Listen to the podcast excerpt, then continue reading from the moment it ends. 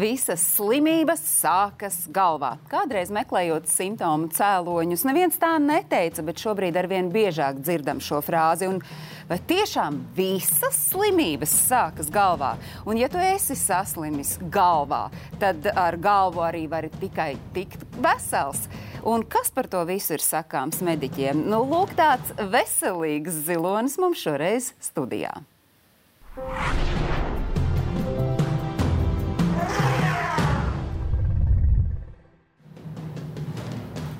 Daudzi no mums sūdzas, sāp galva, sāp spranda. Sievietēm mēneša reižu laikā ir izteikti sāpes un nevar ar to sadzīvot. Iespējams, arī nopietnākas slimības. Taču cik daudz no tā patiesi mēs varam novērst vai uzlabot, sakārtojot attiecības savu prātu un fizisko ķermeni? Šoreiz studijā esam aicinājuši viesus, kuri saka, ka var gan Māri Žunda veselības treneris Simona Andersona, somatikas un fitnesa trenere. Uh, Piedod, Simon, sākšu ar Māri. Māri, kādreiz tu strādāji informāciju tehnoloģiju nozarē, tagad esi veselības treneris, bet noteikti, ka sāki pats ar savu veselības uztrenēšanu. Kāds ir tas tavs stāsts? Jā, tieši tā. Um, mana motivācija sākās ar kaut kādu sāpi, kuru es pats nevarēju atrisināt. Tas... Sāpe kur?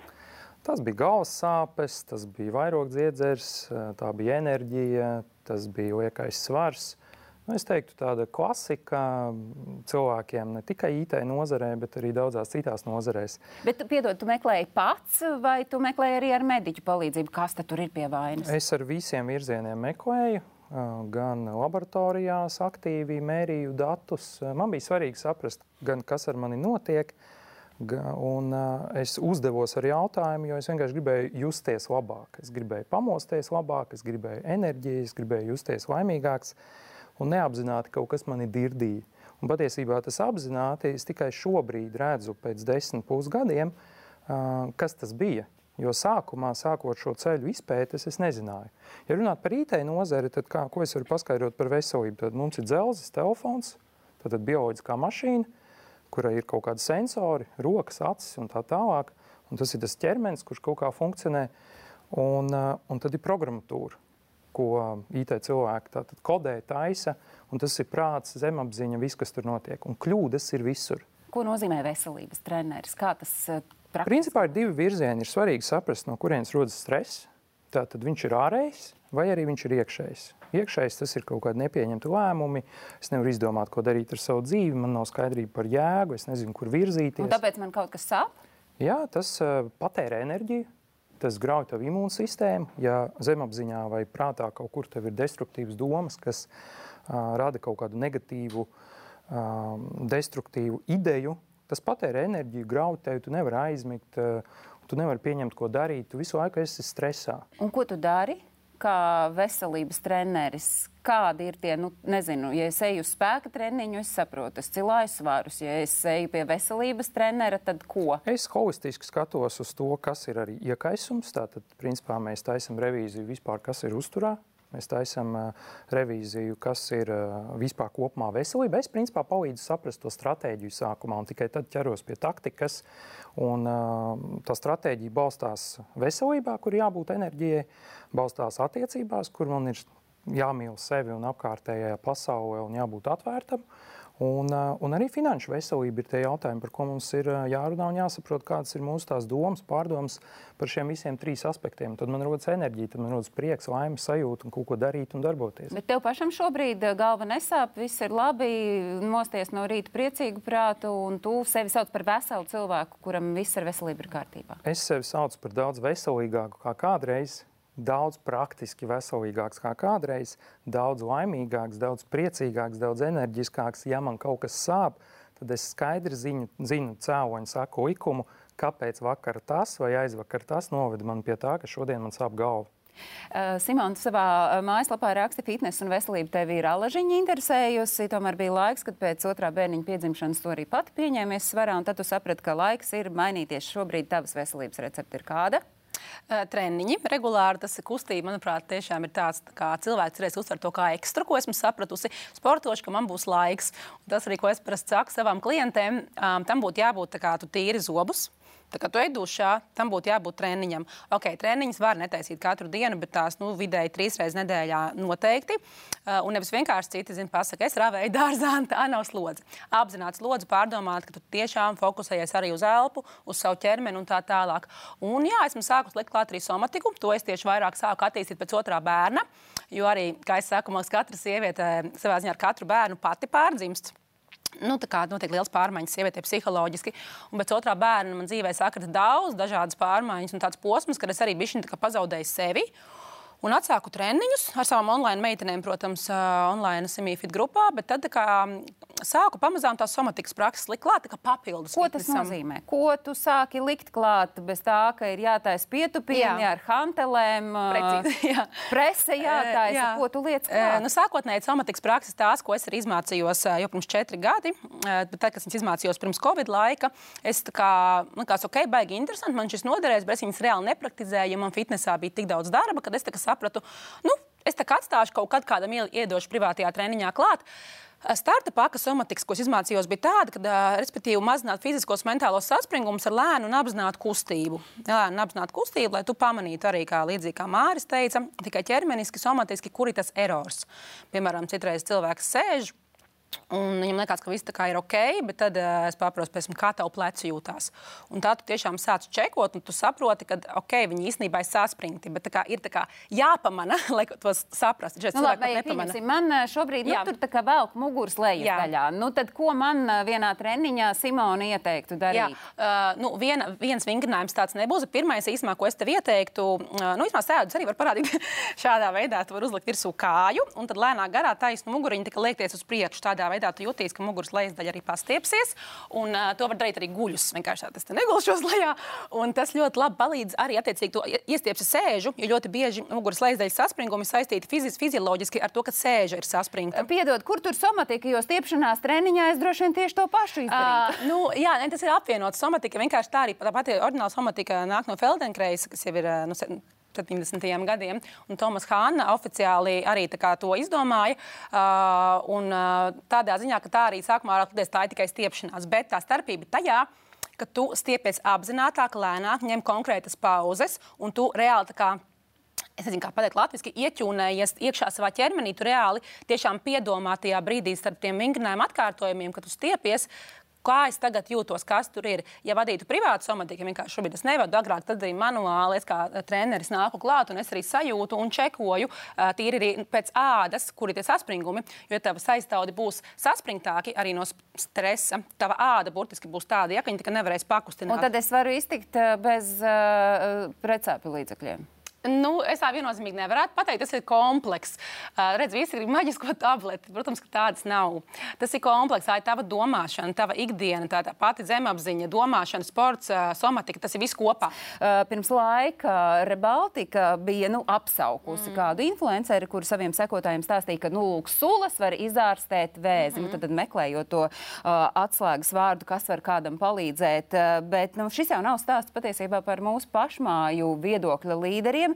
Seleriju sulas metodas autors ir amerikānis Antonijs Viljams, un viņa grāmatai, kur viņš to apraksta, ir miljonu tirāža ar apsolījumu izārstēt teju jebkuru autoimūno saslimšanu. Turklāt izrādās daudzi to slavē, daudzi to izmanto, un, un to ir izmantojuši tādi Holivudas spīdekļi kā Roberts De Niro un Silvestrs Stallone, un vēl, protams, virkni daudzu citu cilvēku, kur saka, jā, mīļie, mīļie, šis strādā. Bet kā uz to raudzīties? Kādam ir jābūt tam paša domāšanas veidam, lai es arī tiešām saskatītu to rezultātu? Jā, nu te ir jāsaprot, tas redz prāts, tas, ko mēs apzināmies ar apziņu, tur no 2 līdz 10 procenti kurš nu kurš tur vairāk sajūt savu ķermeni vai kaut ko pamana, arī acis visu pieraksta, arī tas, ko es dzirdu, visas skaņas es visu pierakstu.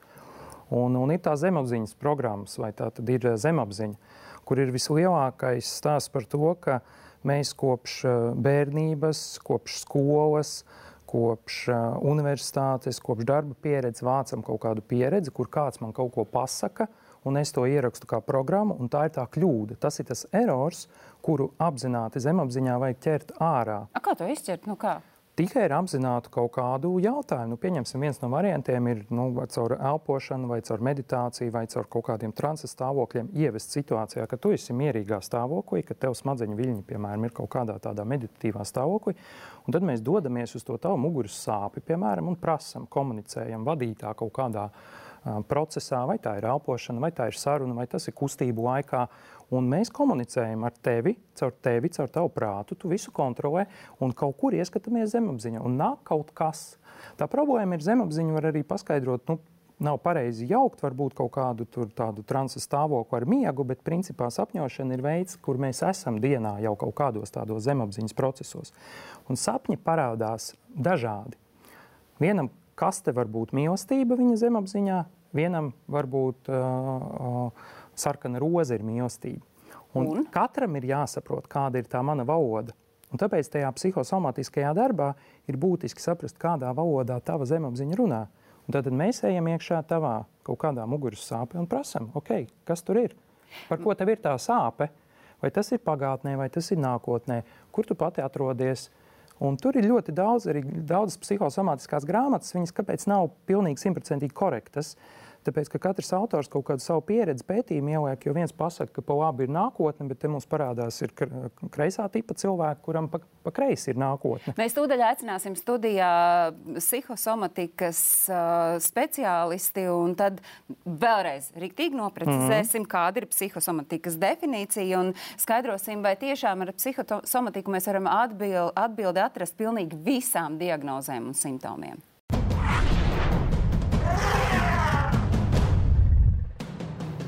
Vai tiešām visas slimības sākas galvā, un uh, kur tad tur tam visam pa vidu ir psihosomatika? Mums ir studijā pievienojusies uh, Līva Mača, kur ir psihosomatikas un psihoterapijas uh, speciāliste.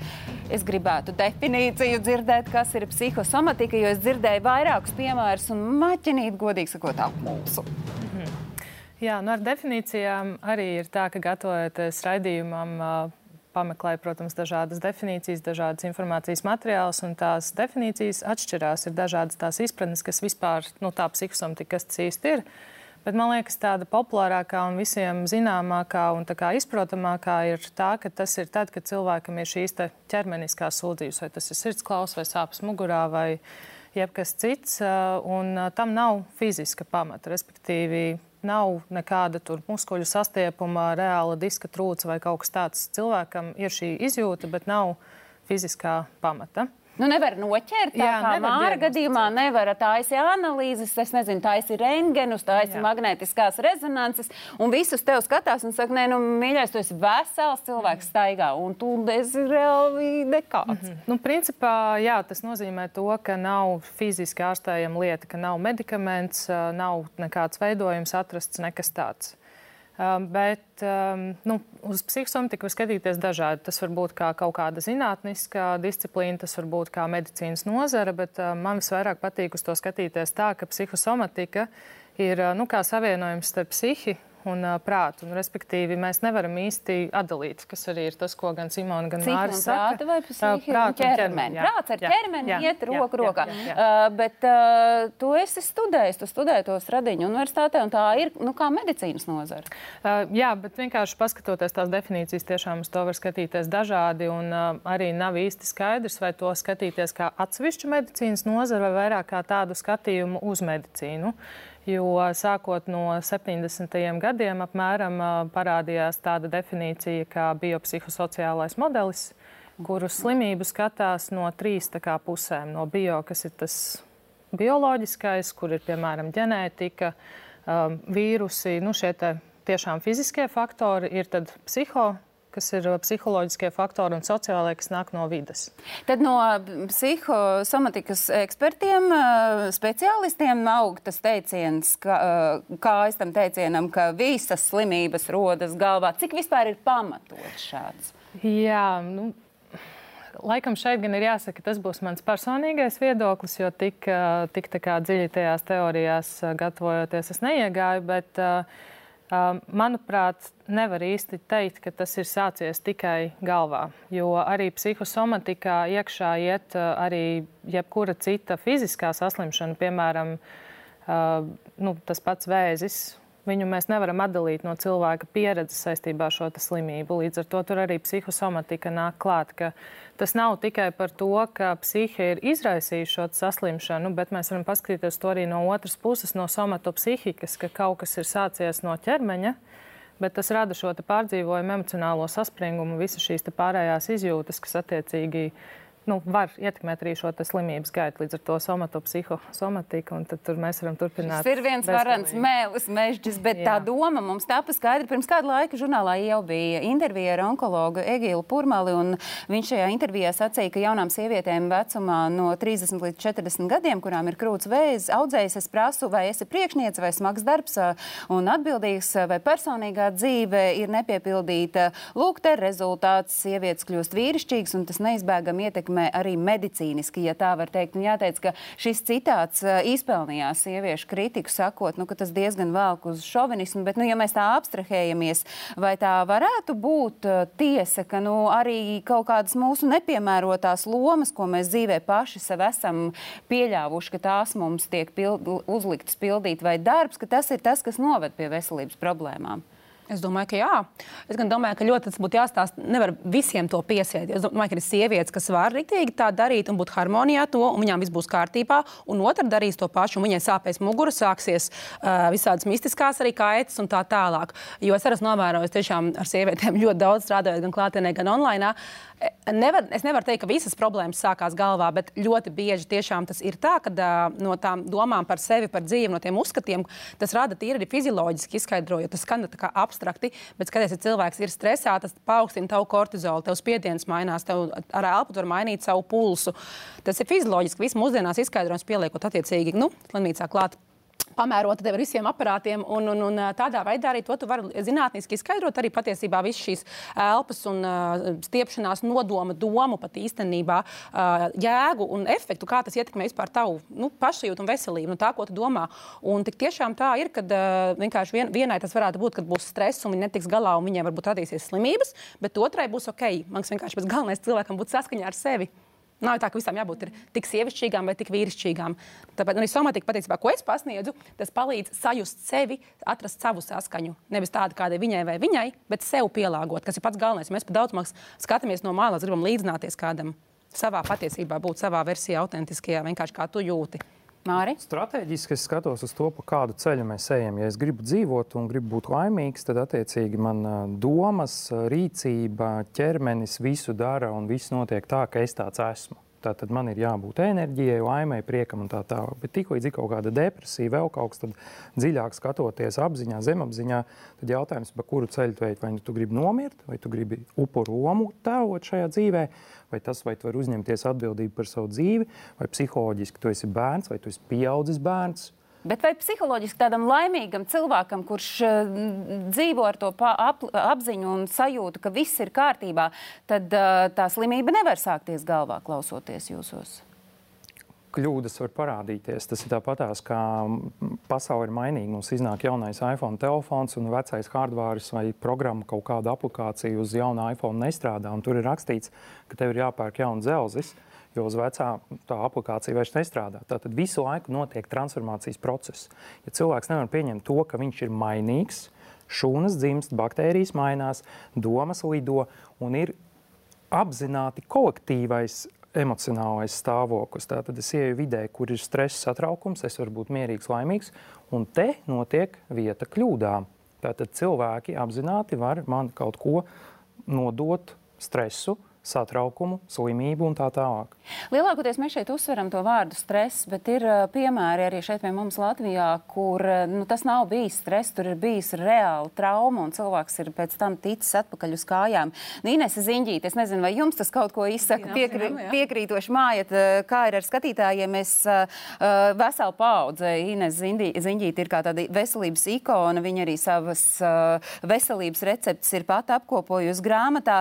Tas viņas dzīves stāsts ir tāds, ka 20 gadu vecumā akrobātikas treniņa laikā laužot mugurkaulu, viņa tika paralizēta pateicoties apņēmībai un izmantojot rīvēšanos ar dvieli. Viņai izdevās nevien atgūt pašai savu veselību, bet viņš šo metodu popularizē un arī māca citiem mazu piemēru ieskatu tiem, kuri nezina, kas ir Ines Ziņģīta un ko viņa dara. tad mēs sevi aplējam. Un, lai tā asins rite būtu, mums jākustina tā āda.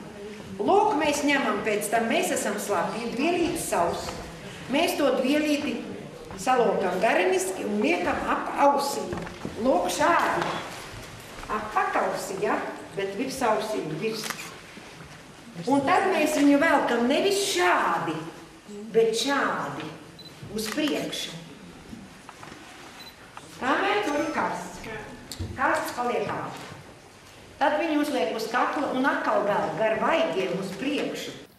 Sakiet, ko gribat eh, nu, paralizēt, eh, nu, dienu viņa neizskatās. Vai šī arī ir uh, psihosomatika? Te arī viss ir galvā, kur tu kaut ko arī dari? Nu, es to vairāk redzētu kā sava veida rehabilitāciju. Nu, protams, ir lietas, kuras medicīna šobrīd vai nu nevar izskaidrot, vai vēl nav atklājuši, kā īsti izskaidrot. Man liekas, brīnišķīgs piemērs no gastroenteroloģijas puses, tieši skatoties no psihosomatikas, ir, ka kādreiz kuģa čūlu saistīja ar uh, stresu, nu, tiešām tā kā vēlme atgriezties bērnu lomā un ārstāja arī līdzīgi kā bērnu barojot ar pienu, tur noteikti stundu intervālā. Uh, gultas režīms. Nu, principā zīdains tas, tas uh, cilvēks kļūst. Bet tagad mēs zinām, ka liela daļa no kuņu čūlām un uh, 12 pirkstu zarnu čūlām izraisa helikobaktēriju, kur vienkārši agrāk mēs nespējām ieraudzīt. Uh, līdz ar to nu, šis tieši ziņģītas piemērs, nu, tur ir kustība, tā ir rehabilitācija. Galvenais jau tieši pēc kaut kādām lielām traumām ir tas, lai tas cilvēks neiesēžas, lai viņš turpina kustēties un darīties. Tas šķiet arī tas, ko, ko somatika principā nozīmē, ka, Jā ka mēs nevis sēžam un nedaram neko, bet kā skatāmies, kā mēs kaut ko varam darīt. Nu, nevis ieraujam tabletīti un ceram, uh, Mārim, kas nu, piebilst. Programmā es redzu, ka ir, es gribu dzīvot, uh mhm. -huh. un uh, fiziski ir skaidrs, ka kaula struktūras pēc lūzuma atjaunot ir nepieciešami gadi. Tas nebūs viens, divi, trīs, bet tas būs daudz, un tā rāpošana, rīvēšanās, visu, ko ziņģī darīja, viņa strādā. Bet izējas punkts ir, es gribu, uh -huh. un attiecīgi Viņas gadījumā tie bija daudzi gadi, lai nostātos uz kājām, jo kaula struktūras atjaunojās nu, teiksim, septiņu gadu laikā aptuveni. Šūnas vai visas motorās kustības atjaunotos un tā tālāk. Tā kā te ir prāta jautājums, tātad mm. apziņa, zemapziņa mēs varam runāt un, un vis, visas tās tehnikas, kas tagad notiek. Un tā... Cilvēkam, kuram prāts nebūs nokalibrēts, šīs tehnikas nestrādās. Mm -hmm, tie ir precīzi, gribētu teikt. Uh, un tā griba dzīvot, uh, vēl viens ļoti spilgts piemērs, kurš arī zināmā mērā reizēm varbūt kāds teiks, ka tur arī daļa brīnuma visā tajā ir iekšā. Nu, no malas iespējams skeptiķis ir Vims Hofs, 64 gadu vecs, jāteic, iespējams Duls, Nīderlandietis, mm -hmm. daudz bērnu tēvs. Viņš pasaules slavu ieguvis ar savām leduspeldēm, tas palīdz uh, dziedēt bet uh, visas skaitas viņa vārdiem runājot, viņš joprojām, starp citu, rīko ekspedīcijas un tikai šortiņos vienas ziemas salā Tātros uh, polijas pusē vēda augšā visdažādākos vājniekus, gan tur ar ārtrītu neglābjami slimus cilvēkus, gan ar vēzi, un pēc tam mēs dzirdam uh, brīnumainus izdziedināšanas stāstus, un uh, nu, tāpēc arī tos dēvē par Vima Hofa metodi. Uh, jūs redzat, ka tas ir tas veids, un tur nav nekādu risku? Protams, ka riski ir. Es tieši gribēju akcentēt to, ka nu, mēs varam domāt par lietām, skatoties izējoši no prāta. Bet nevajadzētu aizmirst, ka tomēr tas ķermenis, tā somatika arī pastāv. Nu, respektīvi, ne visi traucējumi, kuri varbūt kādreiz tiešām ir bijuši psihosomatika, viņi nevienmēr tādi paliks. Piemēram, ja cilvēks visu dzīvi ir bijis nu, psihosomatisks un jūtas, piemēram, sirdsklauves vai sāpes sirdī, kaut kādā brīdī tas tiešām arī var būt tas infarkts. Un ir ļoti grūti, man liekas, medicīnā saprast, nu, kurā brīdī tas tomēr ir tas medicīniskais, kurā brīdī tas, tas psihosomatiskais. Kā tieši tas psihosomatikas ārsts strādā? Nu, kā tas notiek? Uh, nu, principā ir tā, ka man šķiet, ka nav šobrīd tāda specialitāte tieši ārsts psihosomatiķis, ir ārsts psihoterapeits. Um, bet uh, tas, kā strādā, ir uh, nu, zinātniski pierādīta efektivitāte ir kognitīva behaviorāla terapijai, līdzīgām praksēm, ko min arī Māris un Simona, kas ir apziņotības prakses, principā tā ķermeņa skenēšana, balstīšanās šeit un tagad. Tas, tas viss arī ir kā terapijas virzieni. Arī psihodinamiskā psihoterapija, jo nu, ir jau kaut kāds arī iemesls, varam to saukt par kļūdu sistēmā vai, vai kaut kā citādāk, bet uh, ir kaut kāds apakšā esošs iemesls, kāpēc šis cilvēks somatizē. Nu, respektīvi, kāpēc viņš, piemēram, šo psihoemocionālo stresu jūt fiziski. Mm -hmm. vai kāpēc, piemēram, šīs fiziskās lietas viņam rada šo satraukumu. Jo psihosomatikai, ja mēs skatāmies no slimību klasifikācijas puses, tā viena raksturīgā iezīme ir tā, ka šie cilvēki ar savām sūdzībām atkārtot iet pēc izmeklējumiem, meklē šo palīdzību. Viņiem tas ir. Bet ir kaut kāda konkrēta sūdzību grupas, nu, vai ir kaut kādas konkrētas saslimšanas, mm -hmm. par ko mēs varam runāt?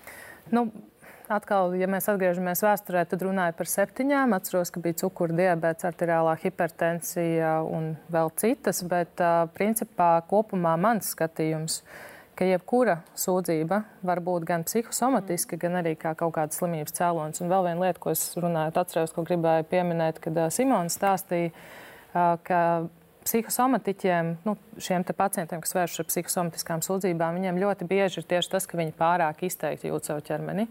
Uh, viens no somatizācijas tiem rašanās mehānismiem ir uh, neirobioloģiskais, kas uh, principā nozīmē to, ka cilvēkam šī te, uh, informācijas apstrāde notiek daudz izteiktāk nekā ierastam cilvēkam. Viņš jūt, kā viņa zarnas kustās. Protams, viņš, viņš jūt... ir jūtīgāks. Jā, nu, bet jā. tomēr tādu nedzirdējis. Man nav, nav bijuši tādi ja, ja šādu pacientu mēs aizsūtītu pie Simonas, tur būtu auzas. Es domāju, ka es neņēmu, es arī vienmēr saku, ja es jūtu tev pie terapeita, esmu sūtījis savus klientus mm. pie terapeita, cik es neesmu psihoterapeits. Es tev varu palīdzēt, bet es neesmu ārsts. Es netēlu no sevis to, kas es neesmu. Mans prakses strādā, bet ir reizes, kad es arī es pasaku, tev ir depresija, tev iet pie terapeita, un tu paralēli vari darīt somatiku bet paralēli. Jā. Tā kā, nu, tas ir jāstāsta tiešām ļoti individuāli, es teiktu. Mm. Nu, kā tad, es domāju, ka daudzi skatās un domā, kā tad ir ar onkoloģisko saslimšanu, ar vēzi un psihosomatiku? Nu, kur tur ir tā saikne? Ja ir galvā, varbūt, ka tiešām man nevajag ķīmiju. Nu, mm. Citronu sulu, kā mums ir uh, piemērs, ka nu, bija izdomāts, ka vēzis ir ar vēzi var izārstēt ar citronu sulu. Vēzis ir gan komplicēta multidisciplināra situācija. Tur ir jāskatās vairākos virzienos, bet um, zemapziņā tur ir ļoti daudz kļūdu, kas nāk visdrīzāk no uh, saistībām ar vecākiem, ar bēr, bērnu dzīvi. Un, un, un, un tiešām tur ir jāmeklē ārā kļūdas, kur ir tie pavaišanas mehānismi. Jo... Tad, uh, psihosomatika, piemēram, iet roku rokā ar vēža ārstniecību nu, tajā Mums nav tāda speciālista, kas vispār ir gatavi droši, droši un pamatoti pateikt, ka es kaut ko darīšu, strādāšu pie sarežģītām situācijām, jo tur ir tā līdzatbildība no pacientiem. Ļoti bieži pacients pats, tur 80% pacientu, tu redzi, ka viņš nebūs dzīvotājs. Es ļoti pra praktiski prasu cilvēkam, tu tiešām gribi to atrisināt. No 1 līdz 10 uz cik negribi, nu tad es tev ļauju iet ar visu savu svētību, ej un dzīvo. Tātad, ja tu gribi nedzīvot, tad tev arī tā ir tava brīva izvēle. Tu nesaki, ej un mirsti. Jā. Nu, Dažiem varbūt ir jāpasaka. Un tas ir tas realitātes čeks, ar kuru saskarās ļoti daudz cilvēku. Man pēkšņi kaut kas notiek. Skatoties uz to manu pieredzi, es, es neticu vairs vārdam pēkšņi. Tas ir cēloņa saku likuma sakarība. Ko tu esi darījis vakar, ko tu esi darījis pirms gada, ko tu esi darījis pirms desmit gadiem, kas tev galvā notiek. Tā tā. Ir vajadzīgs audits audita savākšanai es, es arī biju brīdis, nestrādāju ar smagiem cilvēkiem, tāpēc ka nu, tur, nu, tas ir pašam smagi jautājums, vai, vai, vai tu gribi visu to uh, nest kā speciālists uz sevis. Tāpēc ļoti grūti speciālistiem ir to visu sagramot. Mm, nu. Jo tas nav tāds, um, un, tad, un tad viegli atbildi ir, nu, viss ir galvā. Viss ir galvā. Tas ir mūsu šīs reizes sarunas atslēgas sarkanais virsraksts. Mēs pēc brīža sarunu turpināsim šeit un mūs pievienosies gastroenteroloģija.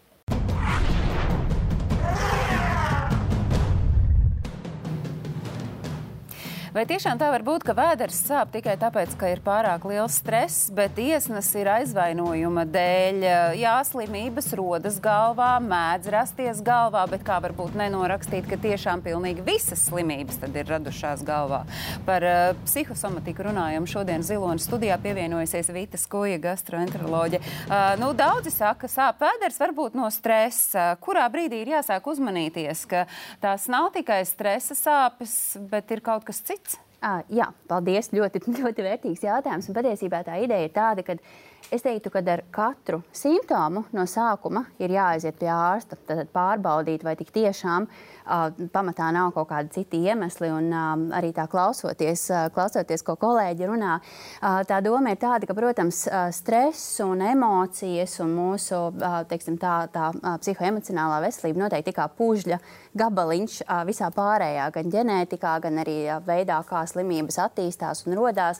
Un, uh, jā, patiesībā par stresu man sanāk sanāk runāt katrā manā vizītē, un, un mana asistente ļoti labi vienreiz izteicās. Viņa saka, doktor, vai jūs zinājāt, ka tā, ka mācāties par gastroenterologu, vai jums arī jāmācās par psihoterapeitu? Un man pat uh, brīži vien, uh, bieži vien ir, ir, ir žēl, ka man varbūt ir pietrūkst šīs zināšanas, kā ar šo cilvēku vairāk aprunāties no šī psihoemocionālā viedokļa. Tāpēc noteikti iesaist arī savus kolēģus. Un, protams, arī ikdienas paradumiem ir milzīgs, milzīgs spēks, jo mēs esam mūsu ieradumi. Uh, bet jā, patiesībā nu, ir tā, ka stress ir kā pūžļa gabaliņš, kā palaidē mehānisms, un noteikti arī jāapzinās, ka uh, tie, um, tātad, tie gadījumi, kad tas vēders tik tiešām sāp dēļ stresa, tam arī var būt komplikācijas. Nu, piemēram, es varu minēt uh, gastroesofagiālā atviļņa slimību. Tā ļoti gudri pateica. Jā, sakot, kas tas ir? Tā doma ir tāda, jā, kad skābe un dažreiz arī žults nonāk nu, no kuņģa un 12 pirkstu zērnes tālāk barības vadā. Un to mēs ikdienā jūtam kaut kādu dedzināšanu, sāpes vēderā, varbūt arī kakla sāpes, iesnas klepus. Un tā doma ir tāda, ka, protams, mēs to saistam ar psihosomatiku, jo Tā ideja ir tāda, ka, protams, ir smēķēšana, svārs, dažādi ēdieni, kas tā varētu provocēt, bet stress ir, ir viens no tiem iemesliem. Un tā doma ir tāda, ka uh, tas viss kuņģa zarna trakts stresa hormoniem izdaloties saspazmējās, neiet uz priekšu, neizdalās neviena gramošanas sula, ja, un viss nāk, teiksim, tā atpakaļ. Un arī šajos gadījumos, pat ja mēs sakam, nu, ka tas ir, teiksim, stresa izraisīts, jo ir cilvēks, kurš nesmēķē, kurš, teiksim, tā nēr nekādus produktus, lai šie simptomi būtu, kuram ir pilnīgi normāls liekais svars nu, normāls liekais svars. Tad, tad nav virsvara. Nav virsvara necik, jā, bet kuram tomēr šis atvilnīts ir. Jā, un, un, protams, un kā viena no komplikācijām noteikti barības un iekaisums, jā, un tāpēc arī mēs sūtam šos cilvēkus reizi gadā uz endoskopiju, tautas, tautas valodā, uz kobru, jā, tā tad paskatīties, kas tad tik tiešām ir, ir barības vadā, vai tur nav šis iekaisums. Jo tam iekaisumam tur esot ilgstoši šūnas var pārveidoties uz pirmsvēžu stāvokli, kā piemēram bareta barības vadu, kas ir adenokarcinomas. Un atkal gudrs vārds viens, viens no vēža veidiem barības vadā, jā, tad tā var būt vēža sekas, respektīvi. Un tā doma ir tāda, jā, pilnīga psihosomatiskā slimība, ja mēs atņemam visus citus, tad, tad iemesls, kādēļ tas tā rodās. Uh, bet uh, tam var būt sekas arī tādas, kas ir orgānu iekaisums un audzējs. Bet gadījumā, jā. ja, piemēram, nu, tagad uh, sākot strādāt, neķeroties uzreiz medikamentozi, bet saprotot, kas tas ir, sākt strādāt ar prātu, tas palīdz? Uh, protams. Ētu. Katrai slimībai patiesībā, nu, teiksim, tā, nu, tā man, man arī, uh, kā es strādāju, patiesībā es domāju, arī man ārsta kolēģi vienmēr mēs runājam par diētas rekomendācijām, par dzīvesveida rekomendācijām. Un kā pēdējais, trešais punktiņš ir medikamenti. Un, uh, jā, ja runā par, uh, tiešām, par dzīvesveida korekcijām un par psihosomatiku, ir lietas, kas ir tik tiešām uz pierādījumiem balstītas. Tas nozīmē lielos pētījumos, saliekot tūkstotus cilvēkus kopā, uh, redzam, ka tas strādā un tas tik tiešām ir dziļā diafragmā normāla elpošana, elpošana ar vēderu, ja tad, tad iedarbina mieru nervu sistēmu. Tā ir viena no lietām. Tad arī teiksim, uz, tas vairāk ir uz, uz zarnu, zarnu darbību, uz vēdera pūšanos, caurajām aizcietēm. Tad ir šīs hipnoterapijas metodes, kognitīva behaviorālā terapija, katrā manā vizītē ir kā variants. Un, tad, protams, ir iešana ārā, dabā, svaigā gaisā, skatīties mežā, kā upe plūst, tie klātesamības treniņi. Bet kur ir tie riski, ka mēs tikai ārstējam un to galvu atslēdzam? Piemērs Davids Bekhems, pasaules slavenais britu futbolists, ir viens no tiem cilvēkiem, kurš ir godīgi arī atzīst, ka viņam ir šīs psihosomatiskās kaitas, regulāri sejas un muguras sāpes. Tas gan nav ar vēdru saistīts, bet jebkurā gadījumā Sākumā to ir izraisījušas traumas, traumas izārstē, bet visas tās sāpes tā paliek. Un, un tāda sajūta, ka tu tomēr vēl kas tev nepār, nepārtraukti. Tad, kad mēs līdzi. runājam par tām traumām un sāpēm, kas velkas, nu, tad vajag obligāti tajā prātā, zemapziņā identificēt to emociju, ar kuru mēs vispār tur dzīvojam. Kāda tā emocija ir? Vai, vai nu, tipiskākā, kuru mēs meklējam, tās ir bailes. Tātad bailes kaut kādas no kaut kā un viņas kaut kur ķermenī iesakņojas kaut kādā situācijā. pie augstas slodzes, pie pārdzīvojumiem, pie milzīgiem pārdzīvojumiem, tiem saucamajiem angļuiski defining moments, kad, dzīvē kaut kas kritiski notiek, kad radinieka nāve, um, kāds piedzīvojums dzīvē, vai nezinu, kritiens, lidojums, avārija, vēl kaut kas. Tie ir tie momenti, kur mēs milzīgu stresu kaut kur nokolekcionējam, liekas, ka it kā viss kārtībā, un tad pēc kaut kādiem gadiem mēs saprotam, ah, tas bija saistīts ar to. Tas ir arī mans stāsts, kur es ļoti labi apzinoties to darbu ar elpu un uh, apziņas, prāta, zemapziņas darbības mehānismus, agri vai vēl sapratu, o, oh, es tomēr tur tajā stresa situācijā toreiz it kā bija trauma, man tur, piemēram, moca bija trauma. Un tāpat beigās tu saproti, ka tas tev ietekmē.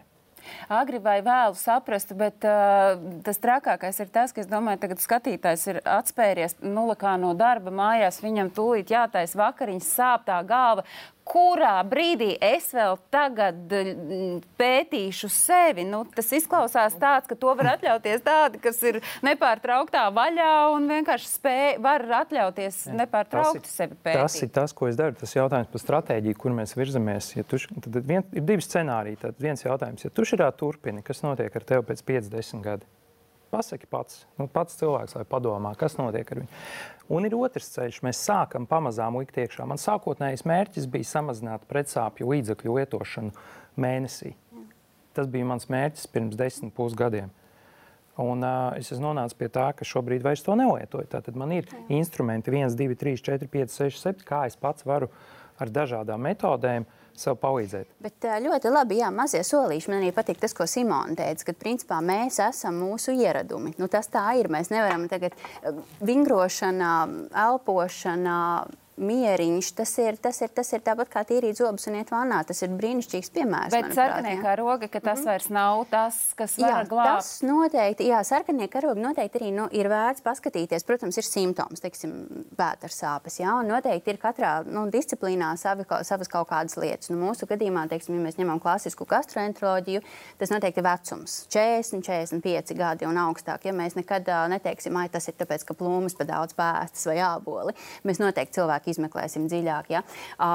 Anēmija, mazasinība, ja? tad, tad asins pieaugums vēcēm, kaut kādi simptomi, kuri pastiprinās un ir visu laiku patstāvīgi, sāk traucēt naktīs, svara zudumi neizskaidrojami, svīšanas naktī, tādas ļoti trakas temperatūras dienā. Nu, tie varbūt ir tie gastroenteroloģijas, tad sarkanie karoga simptomi, kad ja viņi ir arī jaunam cilvēkam, nu, mēs noteikti uz viņu skatīsimies nu, daudz, daudz tā rūpīgāk un nevis teiksim, ah, tas jau ir vienkārši psihosomatika. Ja? Un uh, noteikti ir jāzina savs vecums, savs dzimums, biežāk zināmās slimības. Tas gan ir ārsta uzdevums, ja, kas tad kuram ir vecumam, kuram dzimumam ir raksturīgākas. Un caur šo prizmu arī jāiet. Un, jā, un tādā veidā ir iespējams identificēt, vai tā ir slimība vai tomēr ir psihosoma. Bet, nu, jebkurā gadījumā tas, ko Vita ienākot arī pateica, kas man šķiet līdz šim, ko mēs neviens neteicām, ka nu, sākumā ir tas ārsta posms. Tev ir jāaiziet ar savām sūdzībām pie ārsta ar to domu sameklēt, vai ir vai nav tas fiziskais cēlonis. Mm. Un tad, kad ir izslēgti šie izmeklējumi, tad mēs varam pievērsties citām ārstēšanas metodēm. Piemēram, par to pašu vēzi runājot, nu, viņam ir sava arī ietekme uz psihisko, bet viņu par psihosomatisku, ka tagad aizies uz psihoterapiju un atrisinās vēzi, noteikti nē.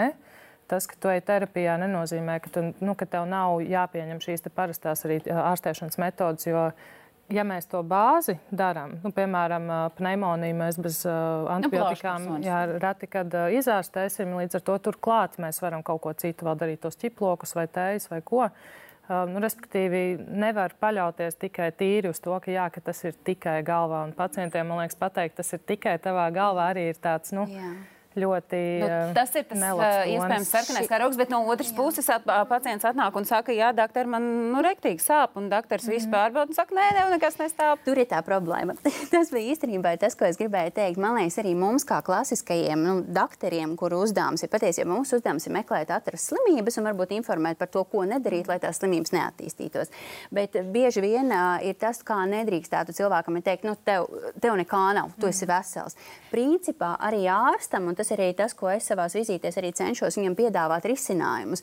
Kad es izstāstu to lielo rāmi, ka principā nu, teiksim, par tām pašām vēdersāpēm runājot, jā, mūsu pirmais uzdevums ir pateikt, ka tas nav iekaisums, tas nav vēzis, visi orgāni strādā kārtīgi, viss ir kārtībā. Tas ir mūsu pirmais solīts. Otrais solīts ir vairāk dažāda veida funkcionālas slimības, kā piemēram dievo zarnu baktēriju pāraugšanas sindroms, ir tāds sībo. Tas nozīmē, baktērijas ir ne tur un līdz ar to rodas simptomi. Pēc būtības nav ne vēzis, ne iekaisums, nekad nepāries tieši nevēzī, ne iekaisumā.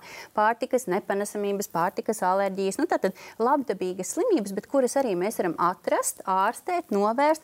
Un tāda ir savukārt šis psihosemotikas lauciņš, kurš, diemžēl, var arī likties pa virsmu visiem pārējiem. Gan, gan tam piena cukura nepanesamībai, glutēna nepanesamībai, gan arī tam pašam vēzim un reālam iekaisumam. Un tad man ir jautājums, mm. kur eh, sarunā par psihosomatiku paliek plase, placebo efekts? Vai tas Jā. arī zināmā mērā tomēr nav tur eh, tāda vietiņa viņam ir ietaisīta? Ir, ir, un man liekas, tas ir ļoti, ļoti svarīgi, lai ārsti arī apzinātos to, ka tam, kā mēs komunicējam ar pacientu, jo nu, man ir arī otra specialitāte, tas esmu ģimenes ārsts, līdz ar to ikdienas darbā ļoti bieži sanāk ar pacientiem tikties. Svarīgi ir izskaidrot to terapiju, svarīgi ir izskaidrot, kas tad īsti notiek to rāmi, ko Vīta mm. ieskicēja ka tu izskaidro pacientam pašam rodas izpratne, viņš var pats pieņemt šo lēmumu, ārstēties, neārstēties, dzīvot, mirt vai nu, kā, atkarībā no tā, ko mēs, kā, par ko mēs runājam. Bet ļoti, ļoti būtiski ir tā komunikācija. Jo, ja, Um, nu, ja pacients neticēs tai ārstēšanai, viņa arī reti kad nostrādās. Ja pacients ir motivēts un viņš ir noskaņots, ka jā, ka šis te man varētu palīdzēt, tad tas arī strādās. It īpaši, ja mēs runājam par psihoterapiju un uh, tām visām metodēm, tur ir ļoti svarīgi, ka pacients pirmkārt redz, ka viņam ir šī problēma, un otra lieta, lai viņš tā kā nu, tic un, un nu, savā ziņā cer, ka viņš var to izmainīt un var uh, nu, izārstēties. Zināmā mērā man prātā nāk tāda visiem vecākiem labi zināma epizode, ka bērns nokrita, mamma papūta, hu, vesels, mm. vai vēl uzlipināja pa virsu tur, nezinu, miņonu plāksterīti un tā vai princešu, un tad tev viss ir kārtībā tas zināmā mērā strādā. Protams, Protams. placebo efekts mm. 15%. Principā, man liekas, kādos vienos pētījumos arī lasīja. Tas, tas noteikti strādā. Un arī, arī noteikti jā, cilvēkam arī jāuzticās tam visam procesam, un ne tikai ārstēšanai, bet arī, arī šim diagnostikas posmam. Nevis tā, ka viņš aiziet pie ārsta, un tad viņš saka, nu, nu, Vienmēr sakot, jāsaprot, ka tas ir process, ka tas nav tā, ka vienā ar vienu vizīti nevar pateikt, kāpēc pūšās vēders, jo iemesli, kā jau es minēju, var būt ļoti daudz. Un, un pirms mēs ķeramies tīri tam, ka viss ir tikai galvā, mums ir tik tiešām jāsaprot, vai nav slikti, un vai nav kaut kas tāds, ko mēs varam diagnosticēt un novērst līdz tam. Nu, svarīgākais, laikam, skatītāji, nepalikt pie tā, ka viss ir galvā, bet visu laiku paturēt pakauša sajūtā to, ka tiešām varbūt ir galvā. Uz tikšanos citu reizi Zilonas studijā un eh, noteikti klausieties mūs arī raidierakstos. Atā.